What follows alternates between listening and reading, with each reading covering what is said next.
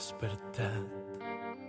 Oh, vela, ciao, vela, ciao, vela, ciao, ciao, ciao, la matinada m'ha despertat i he descobert l'invasor. Parlem d'un milicià que va anar a lluitar contra el feixisme sent encara un adolescent menor d'edat, que es va estar en les mítiques brigades internacionals, que va passar pels pitjors camps de concentració dels vencedors, per les presons que va aconseguir per fi eixir lliure després de molt de patiment, que tan bon punt va quedar en llibertat, va començar a col·laborar en la guerrilla dels maquis, que hagué de travessar la frontera amb França a peu per a fugir de les represàlies de Franco. Le deien Josep Almudévar, d'Alcàsser però francès, el que fou considerat l'últim veterà de les brigades internacionals que va morir fa tan sols uns mesos quan estava a punt de complir els 102 anys. Tot i així el sentirem quan s'estiguera viu, perquè Josep va lluitar des del principi en les armes, però fins al final amb la paraula, amb el seu testimoni que volia, com fora, que la seva lluita i la de tants companys no caiguera en l'oblit. Soc Carlos López Olano i de tot això i alguna cosa més xerrem en este capítol segon de la sèrie, que es diu Josep Almudévar, lluitar fins al final. Això que estan escoltant és El Mur, els noms de la memòria, un serial radiofònic fet en col·laboració entre la Universitat de València i Apunt Mèdia. Fem periodisme, el de sempre, en format podcast, però també molt més. S'accedixen pel web diversos recursos construeixen un relat multimèdia que complementa el del sol lineal, amb la mirada posada sempre en la innovació de les formes de contar. Ve el comandant i diu, xiquet, tu que parles el valencià, vés-te'n a parlar en el jutge a veure com s'arreglem per casar estos cinc. Dic, bueno, pues, i me'n vaig a veure el jutge de Pobla Llarga i veig que el jutge no feia només que mirar-me, mirar-me. I quan acabe me dic, però com és que tu parles el valencià com nosaltres, de cai? A tallar molts rabos de ceba, a pregar moltes querilles, a tallar molta taronja, tenia que dependre. Dic, mon pare d'Alcàsser i ma mare de València, diu, diu, en aquest cas anem a arreglar la cosa. El que parla és el brigadista Josep Almudévar, que contava la seva vida com si fora una novel·la, perquè de veritat li havia passat un poc de tot. Ho feia així quan ja tenia 99 anys i anava pels instituts de secundària incansablement per a contar la seva història als més jovens, que es feien fotos amb l'antic combatent. En aquestes trobades era feliç. En els seus ulls es veia la il·lusió d'un home oblidat durant tants anys que rebia el reconeixement dels adolescents. Luis, conta'm un poquet, tu el vas conèixer al final de la seva vida, com era Josep Almodévar? Bueno, eh, Josep el vas conèixer eh, ja farà 10 anys, o probablement El que parla és Luis Botello, impulsor del projecte educatiu Les Visions de la Memòria. El presenta al seu descobridor, Toni Simó, i bueno, pues comencem a, a treballar en ell eh, duent el seu testimoni a, a, fonamentalment als instituts perquè considerem que la desmemòria que encara existeix en, en tot el nostre sistema educatiu pues el seu testimoni era i és eh, fonamental. Però comencem la història del nostre heroi pel principi. Esclata la Guerra Civil.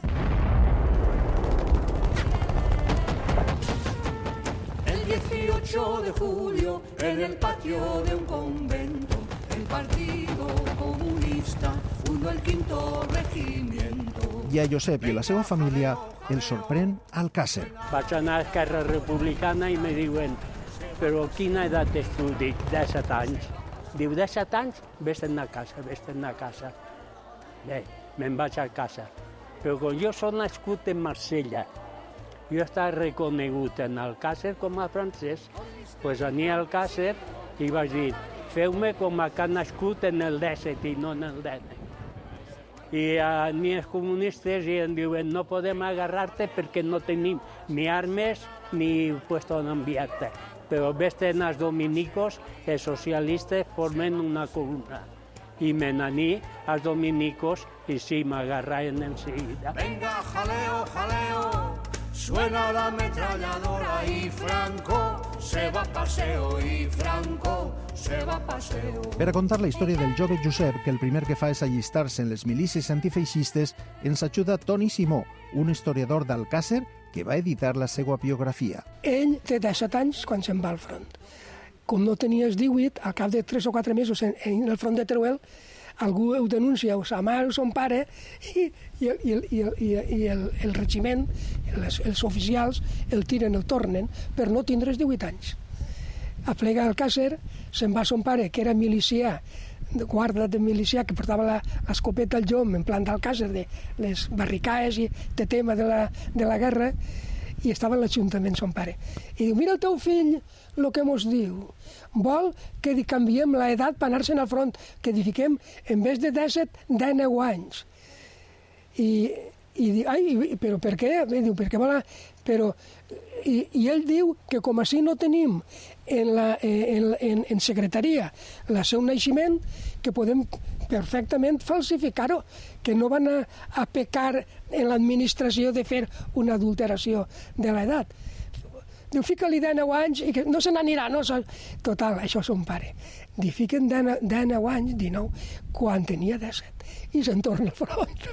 Simons repassa a que casa i raonem amb ell una agradable vesprada d'estiu. I deia que estem baix d'una figuera, no és una figuera, què és això? una, una morera i la morera esta te fa un ombriu de, de 30 metres quadrats quasi, quasi se constipem en l'estiu de l'aire que fa. Toni és historiador i ha investigat molt la guerra civil en el seu poble, però es va guanyar la vida fins a la jubilació com a carter d'Alcàsser, tal com son pare, i coneixia a tot el món i entrava a totes les cases del poble, dels veïns de dretes i dels veïns d'esquerres. Em comença a entrevistar a les persones majors, junt a la investigació arxivística. L'arxiu oral, la investigació de oral me va atraure molt, perquè vaig tropeçar en dos factors, dos grups socials diferents. Uns eren la dreta, que havien sofrit la mort de persones caciquils del poble quan ve la república, quan ve la guerra, per un costat se mata, per així també se mata, i així ne, ne mataren a 11 dretans. Entrevistant a tota aquesta gent, m'encontren que un d'ells me diu està José Almudévar, que tots els anys és un home que ve de França, que ve a vacances, se queda en la casa tal, i això podries entrevistar-lo, perquè això sap molt de la guerra.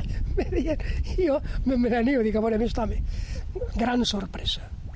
Me passé una setmana totes les esprades entrevistant-lo. Ja se n'anava de tornar a França en agost.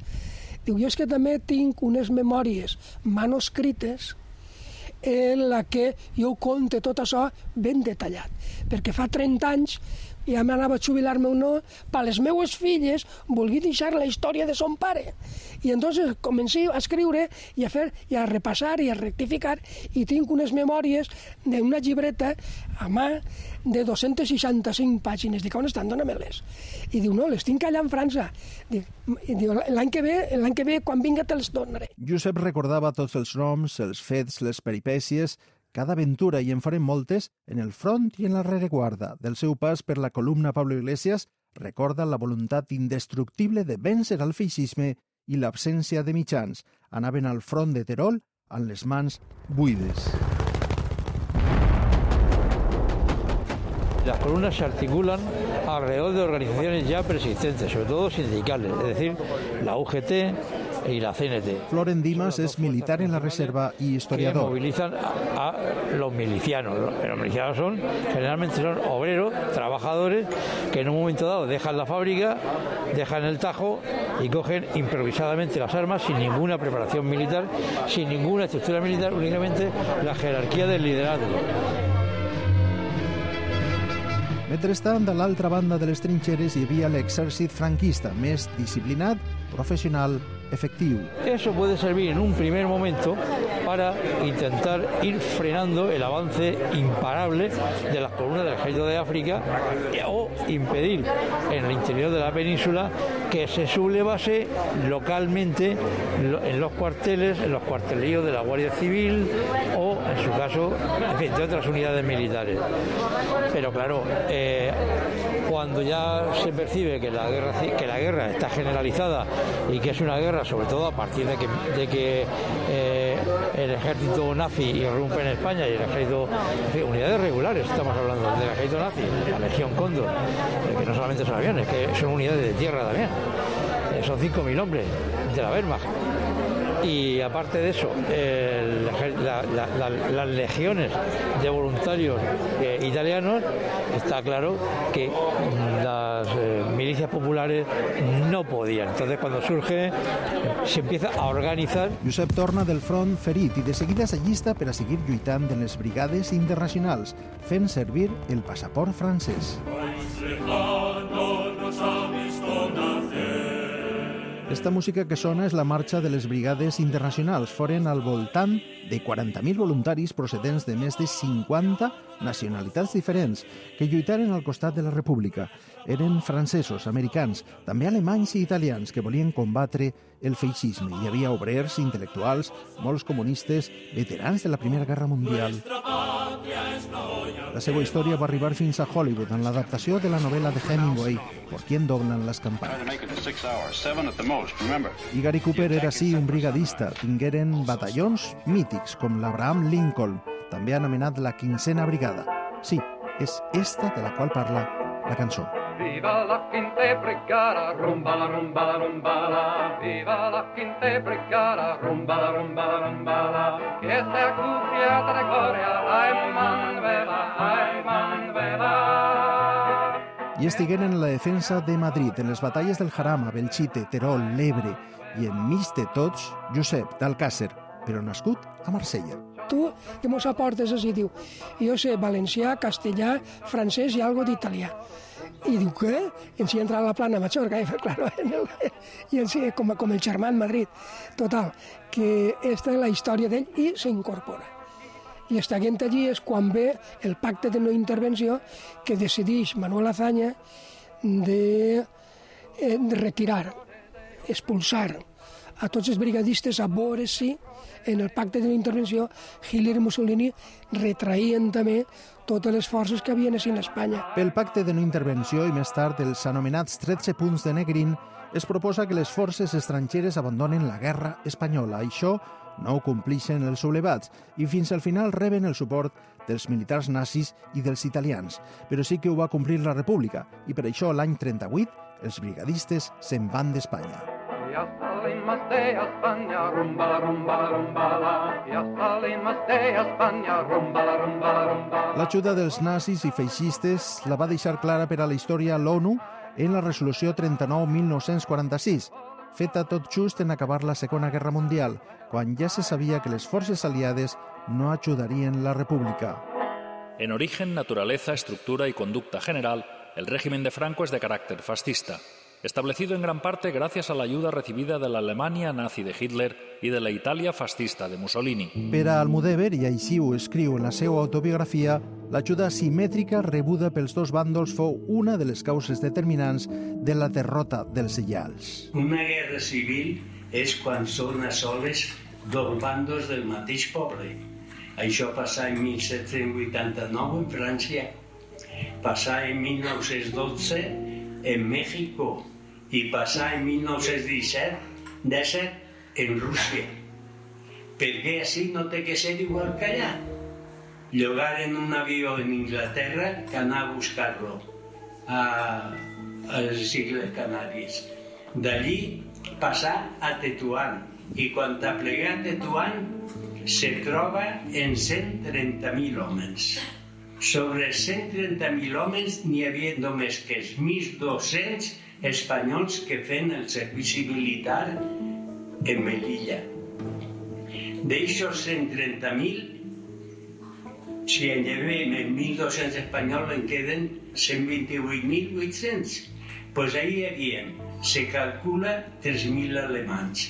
Ells hi havia molts jefes. Només que en aviació tenien el general Estel i el coronel von Richthofen. Ells eren el jefe de l'aviació en Palma, Mallorca.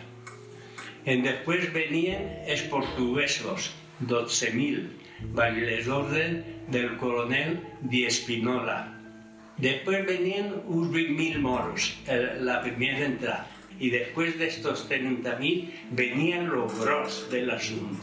Y eran els italians. Els italians n'hi havia 70.000. En un vagó de generals. Estava Bagliolio, Di Pinola, Gambara, però que eren tots gamberros, i dient que això era un exèrcit espanyol. Com és possible que la, que la no intervenció no es doni compte d'això? En la tardor de 1938 a Barcelona es fa un homenatge multitudinari als últims brigadistes, als herois internacionals. Dolores Ibarruri, la passionària, es dedica a un discurs que queda per a la història com un sentit reconeixement als que lluitaren contra el fantasma del feixisme, abans que la barbàrie s'estenguera per tota Europa. Todos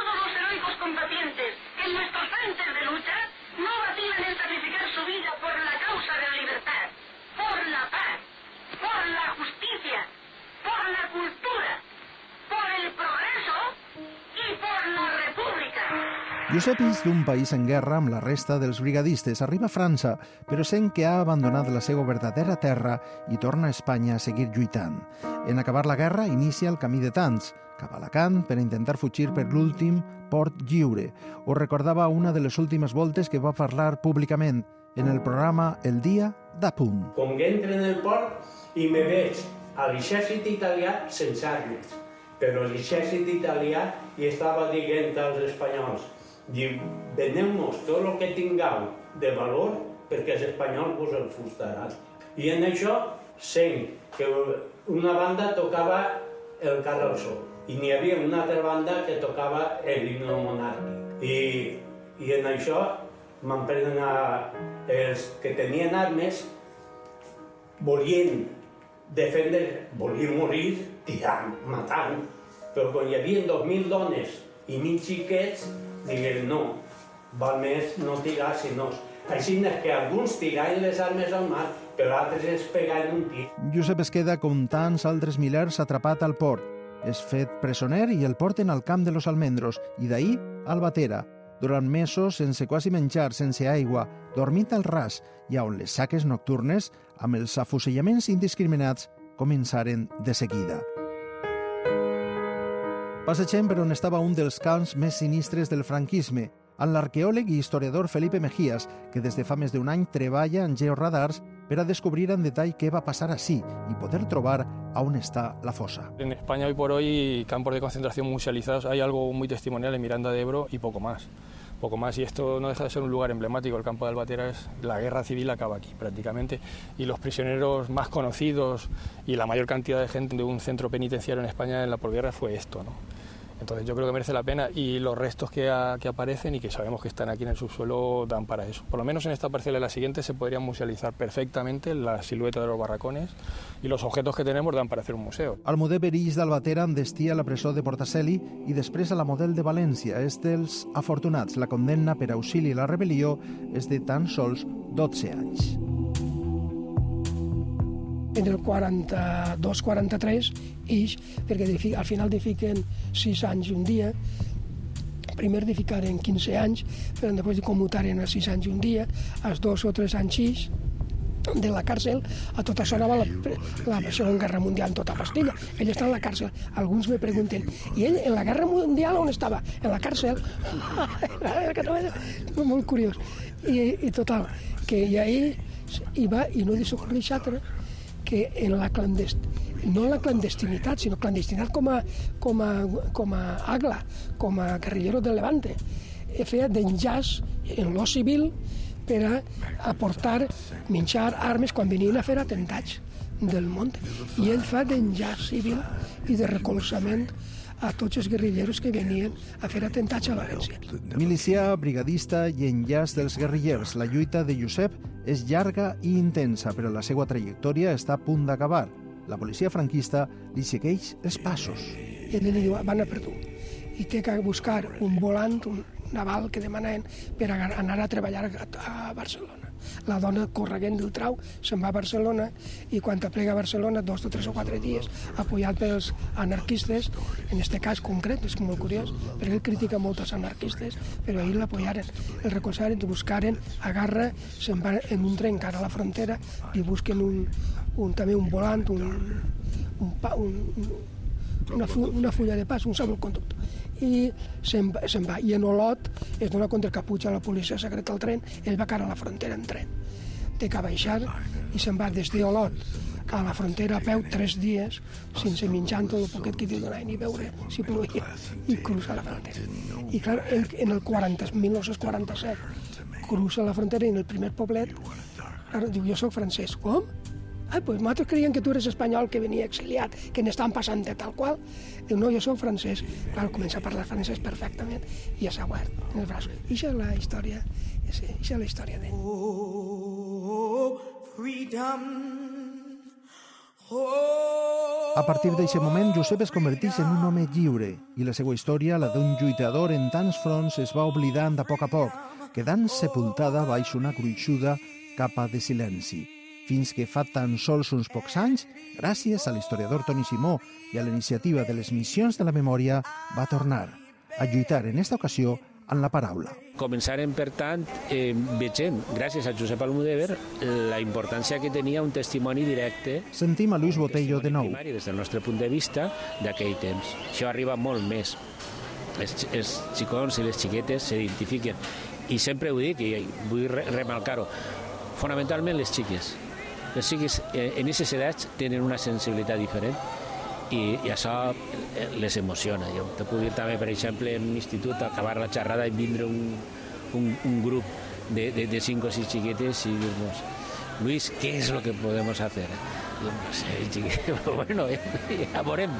Però bueno, en ganes de, de, de identificats perfectament, de, sent conscients de que és un tema impressionant, que, que cal entendre-lo, estudiar-lo, i, cosa que desgraciadament encara no s'està fent. Estos aplaudiments corresponen a quan Josep Almudévar va rebre fa dos anys l'alta distinció de la Generalitat Valenciana de la mà del president Puig per ser exemple de memòria viva. De la seva butxaca i dia eixia una bandera republicana i davant de tots va saludar amb el puny en alt. Aconseguirem tindre la possibilitat d'ensenyar la seva, la seva vida, eh, el seu testimoni, perquè va estar en, en moments claus de la, de la nostra història recent, i te puc dir també que, que els alumnes pues, els emocionava no? moltes vegades perquè pues, pues, s'identificaven perquè dia ves que m'abuelo me contava lo mateix coses d'estes no? o algú que tenia també algun familiar que havia passat per una experiència semblant Josep va morir amb la il·lusió de difondre el seu missatge fins al final. Les restriccions pel Covid pararen els seus viatges des de França i de seguida va voler vacunar-se, tot i ser centenari, per a poder reprendre la tasca. Amb ell desapareix l'últim dels brigadistes vius, d'eixos milers d'herois que arribaren de tots els llocs per a lluitar contra el feixisme.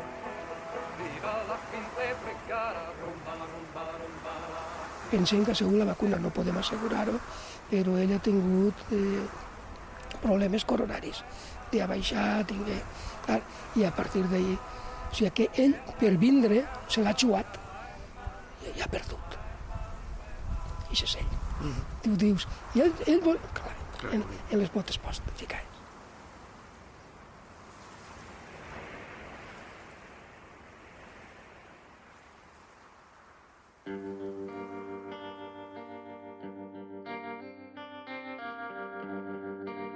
Així acaba el capítol 2 dels Noms de la Memòria de la tercera temporada del projecte El Mur, el dedicat a l'últim veterà de les Brigades Internacionals, Josep Almudévar.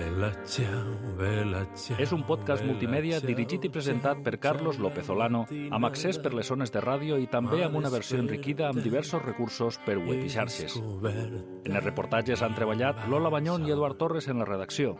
En l'edició i la realització sonora, Pepe Moreno. En el disseny visual, Sergio Formoso. En la producció executiva, Inés Mengual. En continguts, a Punt Mèdia, Xelo Rivera. I en la correcció lingüística, Ofèlia Sant Martín. Me'n vaig amb tu. En breu, el capítol 3, que es titula Maria la Jabalina, la miliciana de Sagunt. Este programa s'ha fet gràcies a una col·laboració entre la Universitat de València i a Punt